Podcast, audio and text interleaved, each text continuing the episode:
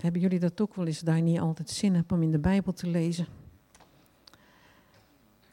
En op een gegeven moment uh, dan heb ik een bepaalde vertaling uit. Ik nou, dan ga ik maar weer eens aan deze beginnen. En ja. Ik zeg, had, ja, dan begin ik maar bij Matthäus. Ik zeg, dan sla ik het open. Ik zeg, Grut, geslachtsregister. Daar begin het. Hij nou, dan lees je dat toch als van, nou, dat al die namen genoemd worden. Ik zei, nee, dan ga ik het lezen ook. Dus ik ga dan dat geslachtsregister beginnen, beginnen in Matthäus. En dan is dat zo mooi dat God door een geslachtsregister kan spreken. En het is niet dat je het niet weet, want ik heb de Bijbel best al een aantal keren gelezen. En dan staat er op een gegeven moment, en dat was de mannelijke geslachtslijn. Hij staat ook nog ergens in de vrouwelijke geslachtslijn, maar dit is de mannelijke geslachtslijn. En op een gegeven moment staat er, en Juda die verwekte Peres bij Tamar. Wordt er ineens een vrouw genoemd. Maar dat is zo bijzonder, want dat was eigenlijk een hele zondige situatie. Want zij prostitueerde zich bij de schoonvader, omdat hij dus niet aan zijn verplichtingen voldeed die God voorgeschreven had. Maar dat was een heel zondige situatie. Maar goed, dan lees je verder. En Salmon die verwekte Boas bij Ragab. Nee, bij Ragab. Bemoei je er niet mee.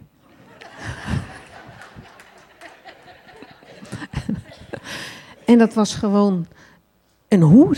Die woonde op de muur van Jericho. En God gebruikt die in zijn geslachtslijn. En dan verwekte Boas, die verwekte Obad bij Rut. En dat was een Moabitische. En eigenlijk mochten die, de Joden mochten zich niet vermengen met een heidens volk. Ook al een zondige situatie. En die worden allemaal eventjes genoemd. En dan nog een keertje, keertje er wordt Salomo bij haar, die de vrouw van Uria was.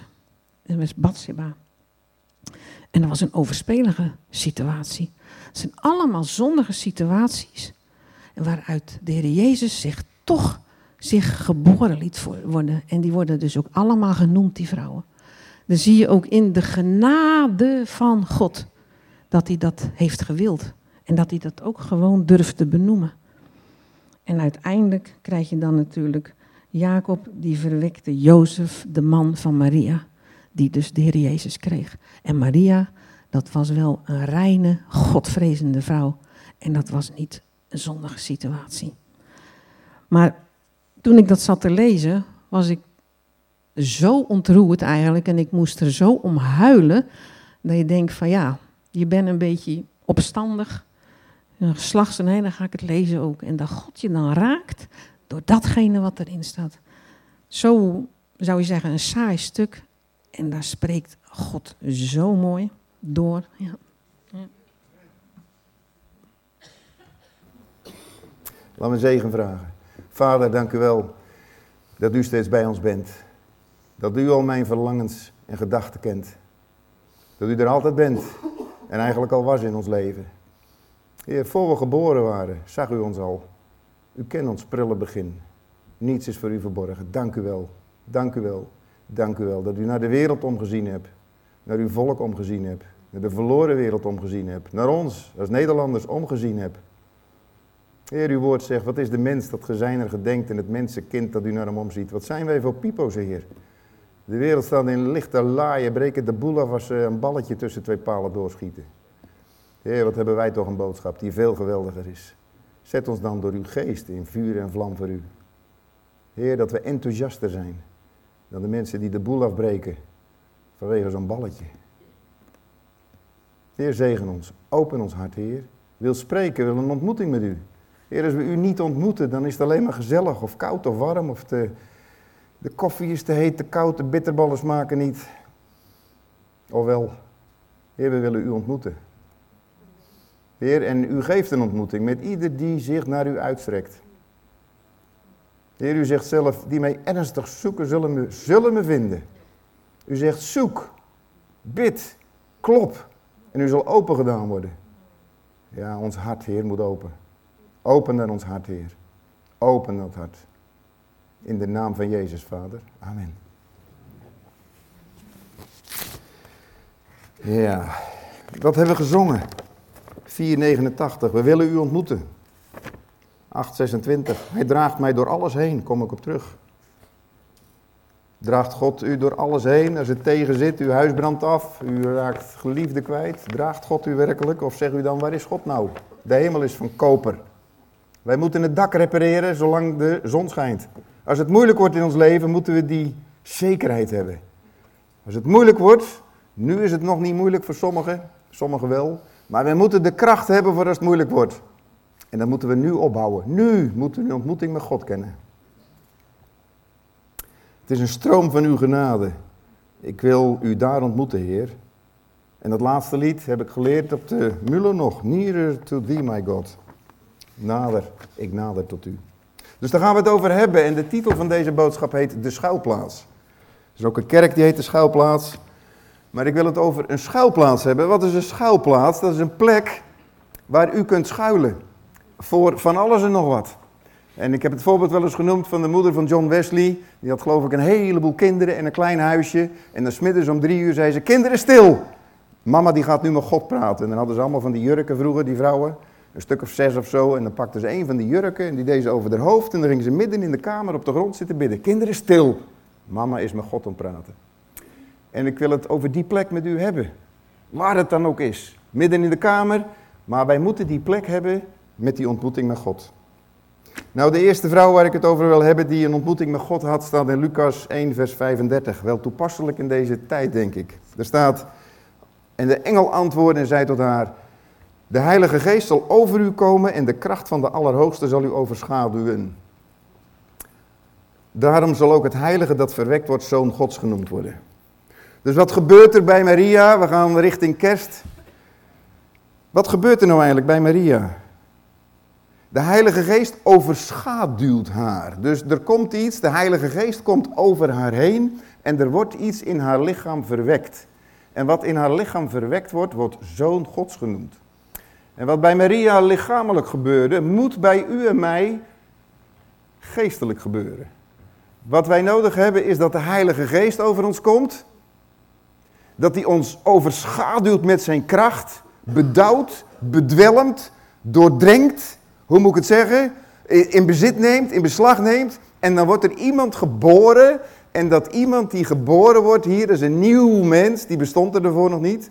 Die wordt zoon van God genoemd. Dus toen dat wonder, ik was 19 jaar, toen bij mij dat wonder gebeurde, toen werd er een nieuw Adje geboren.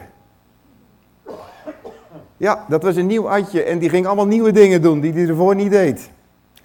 Alleen na zoveel jaar kom ik tot ontdekking dat dat oude atje, die staat hier nog. En daarom zegt de Bijbel, dat oude atje moet nog een keer dat graf in. En dat, dat oude, dat moet afgedaan worden om dadelijk dat nieuwe, dat volmaakte te krijgen. Maar alles is wel nieuw geworden bij mij. Het is wel een nieuw leven, want dat nieuwe atje is er ook. En soms ontmoeten jullie dat nieuwe atje. Maar ja, vraag maar aan Machteld. Heel vaak ontmoet je die oude. Nou, steeds minder. Valt me mee. Maar zo is het wel in ons leven. Soms loop je tegen me aan of loop ik je straal voorbij, heb ik geen aandacht voor je, weet je wel. Er zijn mensen die gaan de kerk uit. Hij liep me voorbij, zeggen ze dan. Dat is niet goed, dan moet ik leren. Aandacht, bewogenheid. Dus ik bid ook, Heer Jezus, geef me uw bewogenheid. Laat me met uw ogen kijken naar de mensen. Maar er moet iets gebeuren, lieve broer en zus. Kerst moet in aller ons hart gebeuren. De overschaduwing van de Heilige Geest. En dat is een ontmoeting met God. En ik wil u even meenemen naar mensen die een ontmoeting hadden met God, die dat wisten. Psalm 91, vers 1, de schrijver die zegt dat. Die in de schuilplaats van de Allerhoogste is gezeten, vernacht in de schaduw van de Almachtige. Als je in iemand zijn schaduw loopt, wat betekent dat? Dat je heel dichtbij die persoon moet zijn. Want die schaduw is maar een klein stukje. Dus je moet dicht bij God zijn. De Bijbel noemt dat de schuilplaats van de Allerhoogste. Heb u ook zo'n schuilplaats bij de Allerhoogste? Gewoon heel dicht bij hem zijn, in zijn nabijheid. Dat de schaduw van hem op je valt, net als bij Petrus. Petrus liep langs mensen en die werden door zijn schaduw genezen. Wij moeten in de schaduw van God proberen te komen. Daar moeten we zijn om, om in zijn schaduw te zitten. Ja, David wist dat. Psalm 31, vers 19. Er staat, hoe groot is het goed dat gij hebt weggelegd voor wie u vrezen. Een groot goed is dat. Dat gij bereid hebt voor wie schuilen, bij u schuilen ten aanschouwen van de mensenkinderen. Ik vind dat een heel bijzonder stukje. Want er staat, gij verbergt hen in het verborgene van uw aanschijn. Allemaal van die ouderwetse woorden en ik snapte dat vroeger nooit. Gij verbergt hen in het verborgene van uw aanschijn voor de samenscholing der mensen en bergt hen in een hut voor het getwist der tongen. Wat is toch dat aanschijn van God? Wat is toch dat aangezicht van God? Wat is toch die hut waar je in verborgen wordt? Die geheime plek, die schuilt, wat is dat nou? En de Engelse vertaling die zegt, Thou keepest them concealed in the secret place of thy presence. En vertaald in het Nederlands, dat is de geheime plek van uw tegenwoordigheid. Er is een plek, lieve mensen, dat de Bijbel noemt de geheime plek van de tegenwoordigheid van God. Nou is dat een bepaald begrip in de Bijbel, de tegenwoordigheid van God. Waar is God? Ik moet denken aan die twee jongetjes, die hadden, die hadden wat gepikt in de kerk vroeger. En toen moesten ze bij de pastoor komen. Jij kent hem, Sjaak? Ja. Check even of ik hem goed vertel. En ze moesten bij de pastoor komen. En uh, jongens, wat hebben jullie gedaan? En uh, heel schuldig stonden ze daar natuurlijk, die twee, uh, zeg maar Sjaak en Ad of zo. En ja, die stonden bewust. En de pastoor wilde heel geestelijk doen. En toen zei hij, zal ik maar zeggen, Sjaak. Sjaak, waar is God? En Sjaak die pakte Ad bij de hand. Hij zegt, wegwezen hier, nou zijn ze God nog kwijt ook en dan krijgen wij de schuld.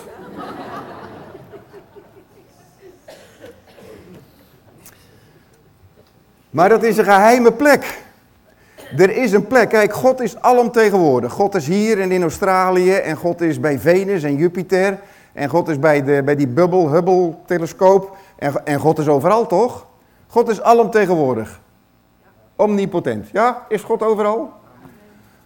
Uh, God is hier, maar God is ook in de kroeg. In de bioscoop. Op het voetbalveld. God is alomtegenwoordig. Toch heeft de Bijbel het over een bijzondere plek.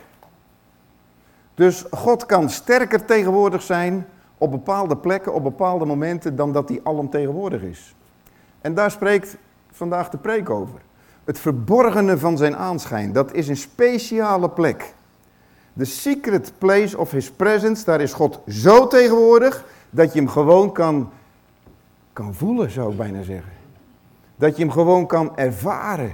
Dat je, dat, dat je gewoon ontroerd bent.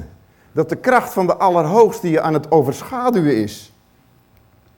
En ik weet niet of het zo is, maar Maria die ontving de Zoon Gods hier ergens. En ik weet niet of dat ook de plek is, want als je tot geloof komt, dan ontvang je ook de Zoon Gods. En die wordt ook ergens geboren, hier ergens, hier, daar, ik weet niet precies. Waar zit hij? Sommige mensen die voelen de indruk van God heel sterk in de, in de, in de, in de, hier ergens. Ja, hart. Maar je hebt twee harten, hè? Je hebt een fysiek hart, dat klopt daar, dat is die pomp. En een mens heeft een geestelijk hart. En ik dacht, waar zit dat geestelijk hart nou? Even aan de vrouwen vragen, de moeders.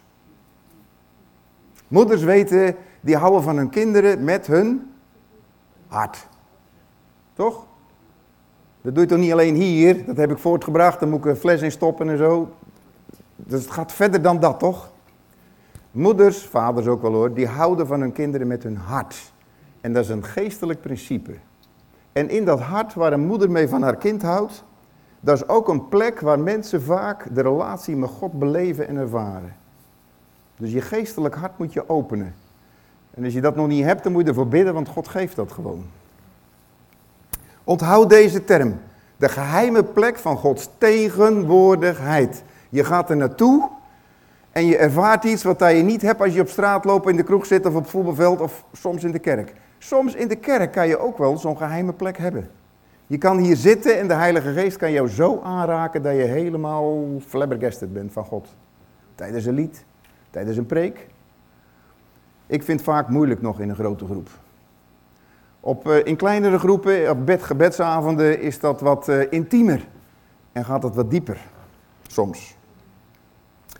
Nou, Psalm 27, vers 5 zegt, want wanneer kwade tijden aanbreken, daar komt hij, verbergt hij mij in zijn hut. Hij verstopt mij in zijn tent. Die staat op de plaats die niemand weet. Hij zet mij hoog op een rots. Kijk, als er hier staat, wanneer kwade tijden aanbreken, wanneer het moeilijk wordt, wanneer alles tegenzit, wanneer je teleurgesteld bent, je raakt je werk kwijt, mensen bedriegen je, vooral christenen, word je in teleurgesteld, broeders en zusters. Kijk, als, als de regering iets doet, dan ben je ook teleurgesteld, dat is vervelend. Maar als iemand waar je je vertrouwen op stelt, waar je iedere zondag mee in de kerk zit, als die jou teleurstelt, doet het veel zeerder. En dan moeten we een geheime plek hebben. Dan moeten we een plek hebben, een hut waarin God jou verstopt. Anders word je bitter en zuur. En word je boos. En dan, dan ga je verwijten maken. En, en word je geïrriteerd. Of je gaat weg. Wij moeten in die tent, God noemt dat, hij verstopt me in zijn tent. Waar is nou de tent van God in jouw leven? Waar is die dan, die tent? Is dat de kerk? Is dat een uh, huiskringavond? Waar is jouw tent samen met God? Die staat op een plaats die niemand weet. God weet het en jij. En hij zet mij hoog op een rots. En ik heb het maar met een hoofdletter gezet, die rots. Want die rots is Jezus. Hij zet je in de moeilijkheden, de stormen van je leven, zet hij je op die rots. En dat is een plek, lieve broers en zussen, die... Ik heb dat voorbeeld en ik, ik uh, raak oud en ter dagen zat. Ik raak een beetje aftans, want mijn voorbeelden heeft iedereen al 600 keer gehoord. De 601e keer. Van mijn lamme oom alleen. En ik kan het niet nalaten om dat voorbeeld te zeggen. Vroeger toen ik jong christen was en zakenman, had ik een oom, een van mijn twee grote voorbeelden. De ene die zat bij een Pinkstergemeente en die had bij de NSB gezeten en die had een heel moeilijk leven. Had hij geen kinderen, zijn vrouw was doof. En in die tijd was de Pinksterleer, als je maar genoeg geloof of geen zonde hebt, moet je genezen. Dus dat was een beetje een kramp. Maar mijn tante genas niet. Maar mijn oma Kees, die bij ons kwam en ik was een klein jongetje, weet je over wie dat hij altijd had? Over de Heer Jezus. De Heer Jezus. Adje, denk aan de Heer Jezus. En mijn moeder, Marie, het was uh, zijn zus. Marie, de Heer Jezus, hè, die heb je nodig. Hè. Hij was bekeerd, hij was opnieuw geboren, hij zat in de Pinksterkerk. Maar hij had het altijd over de Heer Jezus. En die andere oom, die 28 jaar MS had, op bed lag. En mijn tante krikte hem dan uit zijn bed en liet hem in een stoel vallen. Zat hij, en dan zat hij zo, hij kon geen lepel naar zijn mond brengen. En dan zat er een vlieg op zijn neus en dan riep die vrouw, er zit een vlieg op mijn neus. En dan kwam mijn tante die vlieg wegjagen. Vrouw, er zit een traan in mijn oog. En dan kwam mijn tante met een zakdoekje die traan weghalen. En dan zat ik daar en dan, uh, dan zei hij tegen me, wat is God toch goed voor me, hè?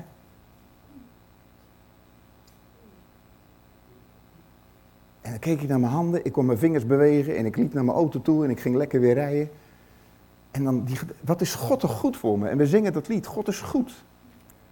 Weet je wanneer God goed voor je is? Wanneer je die geheime plek kent met Hem. Wanneer Hij je uit die duisternis en die put haalt van MS en verlamdheid, Hij zet je bovenop die rots, dan is God goed voor je. En je moet die God leren kennen voor het moeilijk wordt. Sommige mensen, Floris Bakels, iemand wel eens van gehoord, Floris Bakels? Nee. Floris Bakels, hij schreef een boek, Licht und Nebel, de titel. Maar hij beschrijft erin hoe hij de Heer Jezus heeft ontmoet in Auschwitz. Hij ging er als atheïst naartoe en hij kwam als wedergeboren kind van God kwam die uit Auschwitz. Bij God is alles mogelijk. God is goed. God is goed. En morgens als we in de kleine kring bidden, dan geven we elkaar een hand zo. En je mag erbij zijn, hè? we bidden altijd om tien uur, dus als je mee wilt bidden, hartelijk welkom. En dan zeggen we, God zegen. En daarachteraan komt, God is goed. God is altijd goed. En God is goed. Als je die geheime plek hebt ontdekt, is die altijd goed. Als je die geheime plek, zijn tent, of hoe die plek ook mogen noemen, die rots, als je die niet kent, dan, dan is God niet altijd goed voor je. Buiten die tent is God voor jou misschien niet zo fijn, of, of confronterend, of niet zo goed, of niet zo snap hem niet. Wij moeten die geheime plek met God weten te vinden. De Bijbel spreekt er zoveel over. Exodus 33 vers 11, daar staat... Uh, en de Heer sprak tot Mozes van aangezicht tot aangezicht, zoals iemand spreekt met zijn vriend. Dan keerde hij terug naar de legerplaats. Maar zijn dienaar Jozua, de zoon van Nun, een jonge man, week niet uit de tent. En toen ik jong was, toen las ik dat vers, toen ik 19 jaar was. En toen dacht ik, wauw, ik wou dat ik Jozua was, zeg. Mozes die had even contact met God, met de tegenwoordigheid in die tent, maar Mozes moest een volk leiden. Dus Mozes die zegt, Heere God, dank u wel voor de ontmoeting. Ik ga nu weer naar het volk toe, want ik moet hem leiden. Maar hier staat Jozua, een jonge man. Hij week niet uit de tent. Hij wilde niet weg. Hij wilde niet weg uit de ontmoeting met God. Ken u dat? Dat u van die meetings hebt dat u zegt, het, is einde. We hebben het vaak op zondagavond. Ja, je moet een keer naar huis toe, maar uh, eigenlijk willen we niet naar huis, want God is er. We willen niet naar huis, want God is er. Ik wil in die tent blijven. Ik wil in de tegenwoordigheid van God blijven. Ik wil bij hem blijven. Jozua die proefde dat. Hij week niet uit de tent. Ik hoop dat u dat kent. Ik hoop dat u dat kent. Ik sprak net Dieneke, Dieneke den Hoed. En die was zondag, afgelopen zondagavond hier. En die had zo'n ontmoeting met God hier.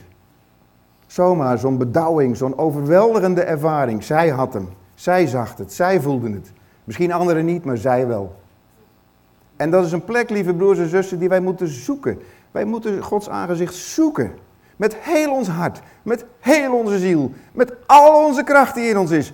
Zijn aangezicht zoeken. En worstelen misschien met hem. Je zegt, God, ik laat u niet los tenzij ik uw tegenwoordigheid ontmoet. Ik blijf hier zo lang, ik blijf bidden tot ik u ontmoet.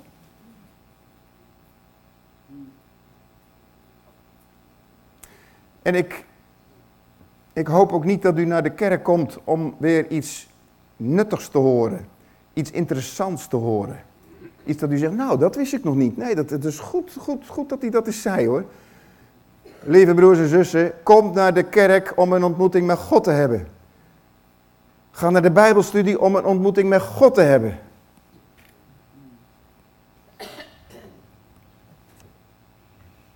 Job die wist het ook. Die zegt, uh, zoals ik was in de bloeite van mijn leven, toen Gods vertrouwelijke omgang in mijn tent toefde. Gods vertrouwelijke omgang, des Heren vertrouwelijke omgang is met wie hem vrees en zijn verbond maakt u hem bekend.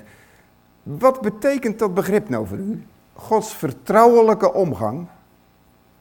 Zegt dat iets? Betekent dat? Zeg u, ja, ja, dat, daar gaat het om in mijn leven. Vertrouwelijke omgang met God. Wandelen met God zoals hij nog deed. Weet u, als we dat niet hebben, dan zijn we hartstikke christelijk geworden. We zijn hartstikke vroom geworden. We zijn heel religieus geworden. Maar het gaat in u en mijn leven niet of dan we religieus zijn of dan we iedere week naar de kerk komen. Het gaat erom of dan we vertrouwelijke omgang met God hebben leren kennen.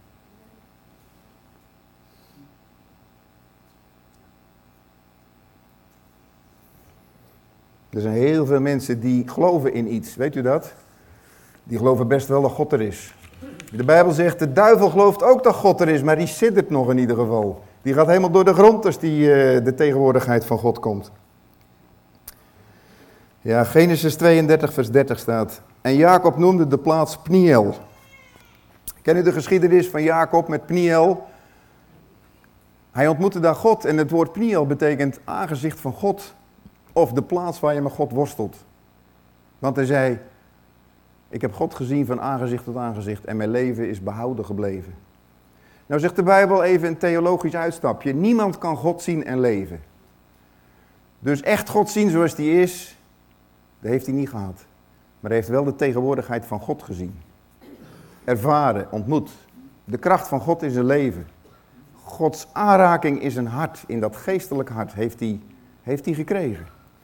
En Jacob, er staat, hij worstelde met God. Hoe lang worstelde Jacob ongeveer, denkt u? Wie weet dat? Tot het licht werd, hè? Bij Jacob was het ernst. Is het bij ons ook zoveel ernst? Jacob die zei, ik laat u niet gaan tenzij u mij zegent. Wij mogen de ernst van het verhaal een keer goed tot ons door laten dringen. Dat we zeggen, Heer, ik heb u nodig. Ik moet in uw tent. Ik moet uw tegenwoordigheid kennen in mijn leven.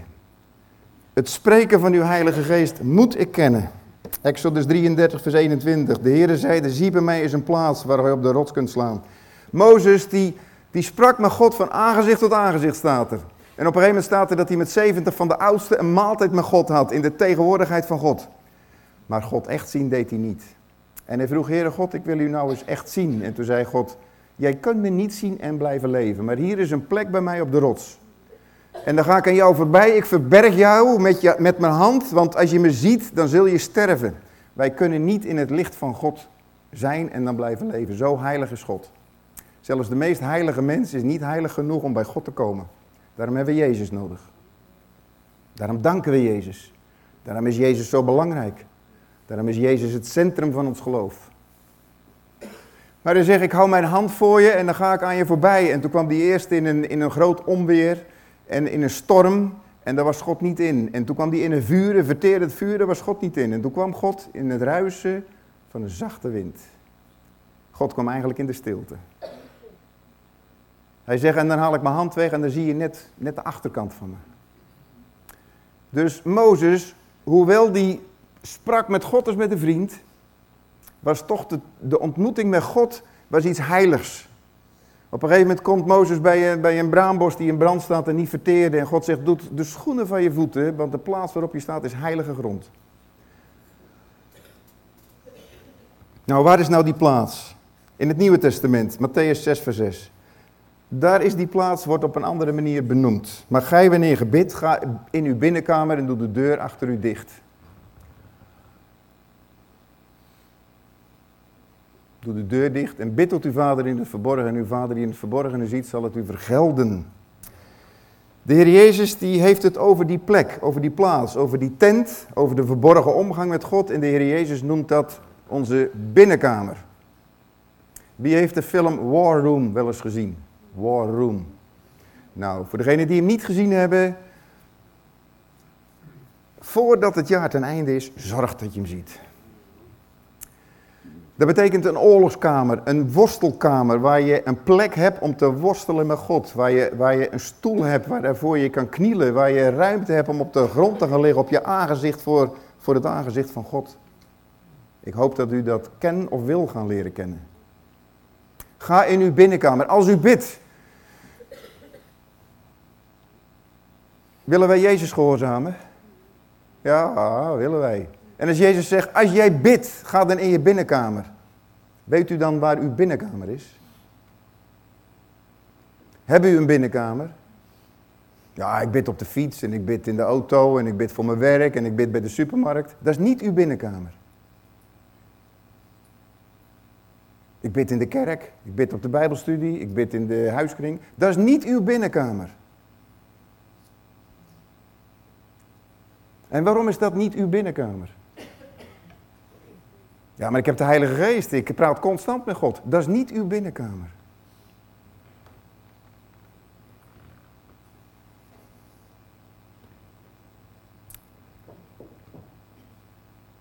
En waarom niet?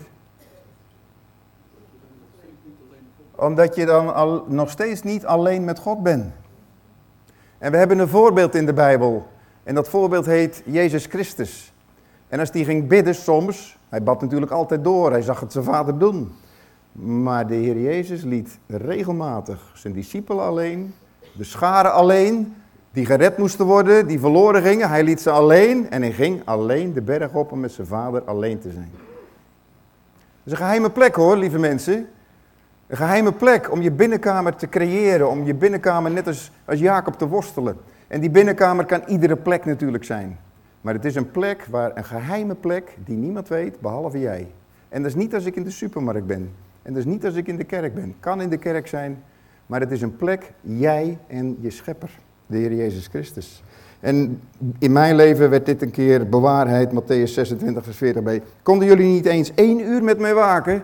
En ik heb ontdekt dat veel makkelijker is om 52 zondagen per jaar naar de kerk te gaan, dan om één uur in de, wat ik zeggen, per maand laat ik niet te hoog de lat leggen, één uur af te zonderen, alleen jij en God.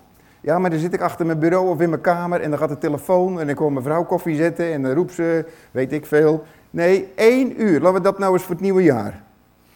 Denk er eens over na. Zou je niet in het nieuwe jaar één uur in de maand stil willen worden, wachten tot God iets tegen je zegt? Maar misschien zeggen u wel, ja, hij praat de hele dag door tegen me. Ja, maar dat is niet je binnenkamer. Gewoon wacht op God. Wait on the Lord. Ja, het is maar een uitdaging natuurlijk, hè? Snap u wel, hè? Wij moeten niks, hè? Als evangelische christenen, toch? Laat ons geen wetten en regels opleggen. We moeten niks. We moeten zelfs niet ademhalen, eten, drinken. Het hoeft allemaal niet meer. Maar wij moeten wel wat. Als je bidt, zegt Jezus, ga dan in je binnenkamer. En als ik die nou niet heb, hoe doe ik dat dan? Dan maak je er een. Dan vraag je, Heere God, laat mij zien waar ik mijn binnenkamer heb. En dan kan hij je tuinhuisje, Henk Binnendijk heeft zijn tuinhuisje, altijd al 40, 50 jaar. Een ander heeft zijn, eh, zijn, zijn, zijn, slaapkamer, de ander heeft de woonkamer, de ander heeft de keuken, de ander heeft een, in zijn woonkamer gewoon een, een, een tafeltje staan met zijn Bijbel erop. Maar wij moeten een binnenkamer hebben. Ik wil u uitdagen om een binnenkamer, om een tent van ontmoeting met God te hebben. Matthäus 14, vers 23, daar staat hij. En toen hij de scharen weggezonden had, ging hij de berg op om in de eenzaamheid te bidden. En bij het vallen van de avond was hij daar alleen. Wij moeten de geheime plek ontwikkelen waar wij alleen zijn met God. En uh, wij zijn bevoorrecht, ik hoef niet meer zoveel, zo vroeg het bed uit. En uh, s morgens beginnen wij samen te lezen, ieder voor zich. Dan bidden we hardop. En ik vind het een van het mooiste om te ontdekken hoe mijn vrouw de relatie met God is. Als zij haar hart opent naar boven, een mooier iets kan ik niet hebben dan het gebed van mijn eigen vrouw horen. En dat is al heel intiem. En het is niet mijn binnenkamer. Want ik zit naar haar te luisteren. Ik ben God aan danken tegelijk terwijl zij aan het bidden is. Maar het is niet mijn binnenkamer. Ik moet apart. Het gaat tussen God en mij. Als ik straks voor de troon van God sta, dan staat er niemand tussen God en mij in. Mijn vrouw niet, mijn kinderen niet, mijn ouders niet. Er staat er één tussen. Weet je wie? Die man met die gaten in zijn handen. Die zegt het is volbracht voor Adje. Met al zijn fouten en zijn tekorten. Hé, hey, die staat voor mij. Dat is de geheime plek. Wij moeten weten wat Jezus voor ons gedaan heeft. En dan een vers wat mij uh, sterk bezighoudt. 1 Petrus 2 vers 2. God de Vader heeft u uitgekozen. Hebben u dit vers eens, en uh, op de bijbelstudies die ik nog geef, ook in Krabbendijken, dan laat ik de mensen dit vers uit hun hoofd leren. Want als je dit vers uit je hoofd leert, erover mediteert en toe gaat passen in je leven, dan gaat er een deur open in je hart. Nog eens zeggen, God de Vader heeft u uitgekozen. Weet u dat? Dat God de Vader u uitgekozen heeft. Ik denk dat God de Vader u allemaal uitgekozen heeft, dan anders zat u hier niet. Dus God de Vader heeft u uitgekozen om hier vanmorgen te zijn. Het gaat verder. De Heilige Geest heeft u afgezonderd. Aan afzonderen betekent apart gezet. De Heilige Geest is in uw leven gekomen als het goed is en heeft u apart gezet, afgezonderd van deze wereld. Met een doel. Er staat om Jezus Christus te gehoorzamen. En als Jezus Christus nou zegt, jij wanneer je bidt gaat in je binnenkamer, dan is dat een opdracht van God de Vader om Jezus te gehoorzamen. En de Heilige Geest, de geest van die van de Vader en de Zoon uitgaat, heeft jou genomen, apart gezet, om dat te doen. De drie eenheid spreekt door dit ene vers. Om Christus te gehoorzamen. En wat geweldig. Oh, ik vind dat zo mooi. Door zijn bloed gereinigd te worden. Vindt u wel eens dat u tekort schiet? Ik wel. Heel vaak vind ik dat van mezelf, eerlijk gezegd.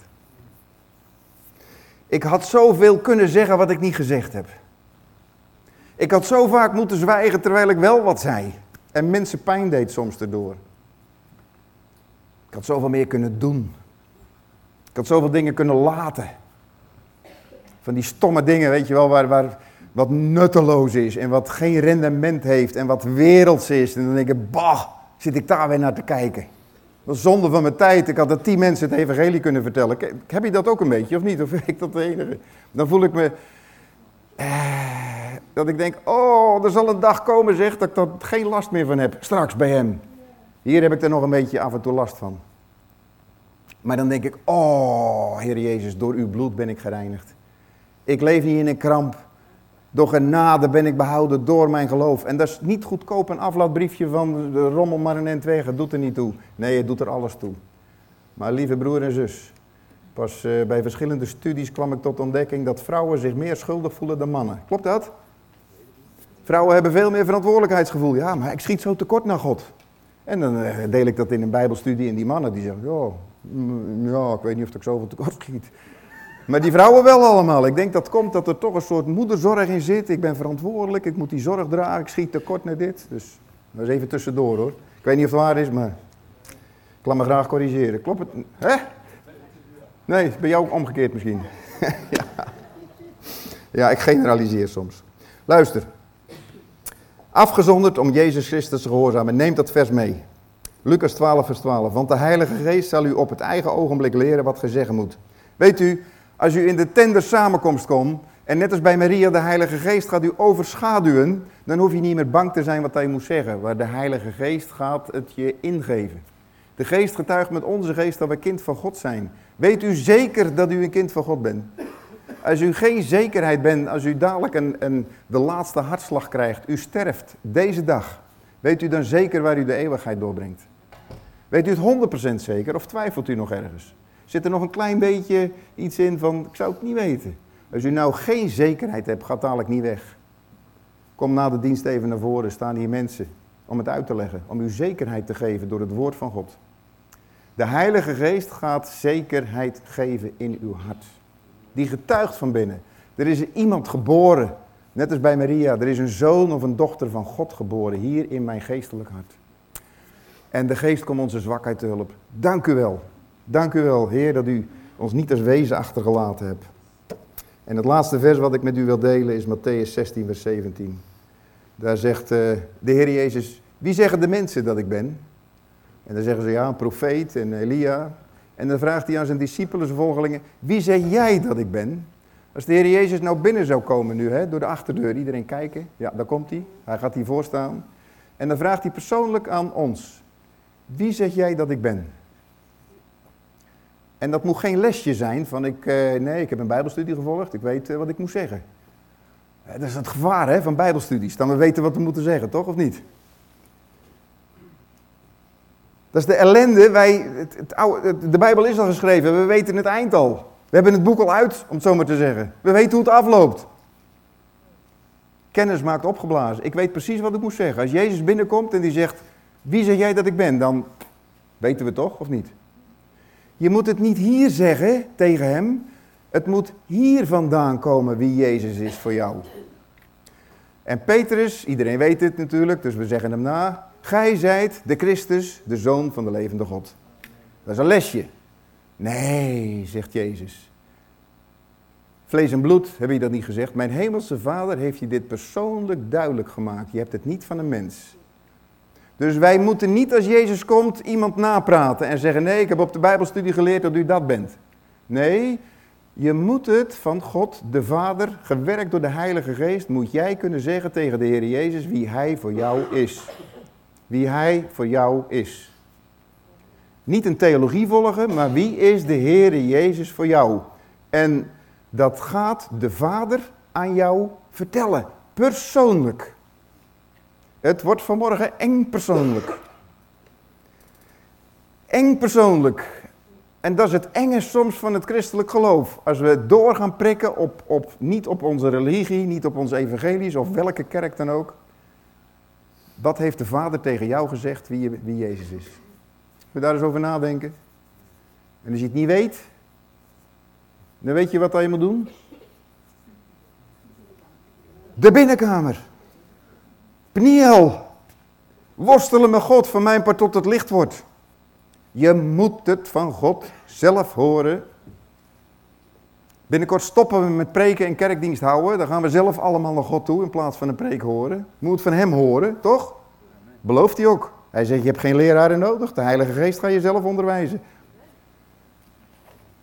Lees dit. Hier staat het geheim in. Dit is zijn testament. Dit is het routeplan naar de eeuwigheid. Leef niet in het duister. Lees het, zodat je het zelf van God hoort.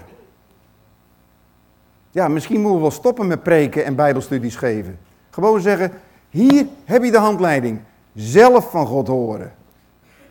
Ja, sorry Edwin, uh, de hele bediening dadelijk naar de knoppen. Je moet het zelf van God horen. Michel, jij zei het hè, je bekering. Ik heb het zelf uit zijn mond gehoord. Was jouw getuigenis mee doop. Met minder kunnen we toch niet toe. Je moet het toch zelf uit zijn mond horen. Niet van de dominee, de voorganger of wie dan ook. Nou, ik breek uh, mijn eigen bediening af hiermee. Ja, laat maar stoppen. Laat maar bidden. Ja? Vader, wat bent u goed. U hebt alles gegeven. Heer Jezus, u hebt alles gegeven. U hebt uw leven gegeven. U hebt uw bloed gegeven. Heer, en als iemand zijn bloed geeft, geeft hij alles, Heer. Dan houden we niks terug. U hebt dat gedaan om ons te redden. Heer, maar er zijn zoveel voorbeelden in uw woord van ontmoetingen met u. We hebben liederen gezongen, ontmoeting met u. We willen u ontmoeten. Heer, laat het geen, geen buitenkant praat zijn. We willen u ontmoeten. Maar laat het de diepste bron van ons leven zijn. Ontmoetingen met u. Zodat we de kracht krijgen om door te gaan in dit leven. dat we moed krijgen om door te gaan in het leven. Waar we hulp krijgen om door te gaan in het leven. Als u ons op uw rots plaatst. Wanneer u ons verbergt in uw hut. Voor de mensen om ons heen, voor de wereld om ons heen. Wat zal een mens mee doen als u voor ons bent? Wie zal er tegen ons zijn? Heer, berg ons in die schuilplaats. Heer, we willen zoeken, we willen worstelen. Heer, u wil het zelf ons onderwijzen. Ook als we niet weten hoe, dan bent u de plek om naartoe te gaan en te zeggen, Heer, ik snap het niet. Geef mij een binnenkamer, Heer. Open mijn ogen. Ik wil u ontmoeten, Heer. Ik wil de binnenkamer kennen. Ik wil net als Jozua niet wijken uit die plek. Ik wil niet weggaan eigenlijk. Als u er bent, als u bent aan deze plaats, willen we niet meer weggaan. Als we u ontmoeten, willen we u vasthouden. Heer, het kan niet, Heer. Het staat ook in Hooglied. Waar is mijn geliefde? En die geliefde ging weg. Ze kon hem ook niet vasthouden. Heer, zo is het soms in ons leven ook. Heer, in de ontmoeting met u. Soms bent u er zo krachtig. En dan is het soms ineens weer weg. Althans bij mij wel. Heer, maar we willen u vasthouden. We willen u ontmoeten. Heer, geef in ieder van ons, Heer, wie dit werkelijk verlangt, deze week, net als bij afgelopen zondagavond, een ontmoeting met u. Heer, dat het dwars door ons heen gaat. Heer, dat het net als bij Maria, een kracht van de Allerhoogste is die ons overschaduwt. Heer, daar bidden we om en we danken u ervoor dat u het doet en wil geven en kan geven en zal geven voor een ieder die bidt, voor een ieder die zoekt, voor een ieder die klopt. Dank u wel voor uw belofte in Jezus' naam. Amen.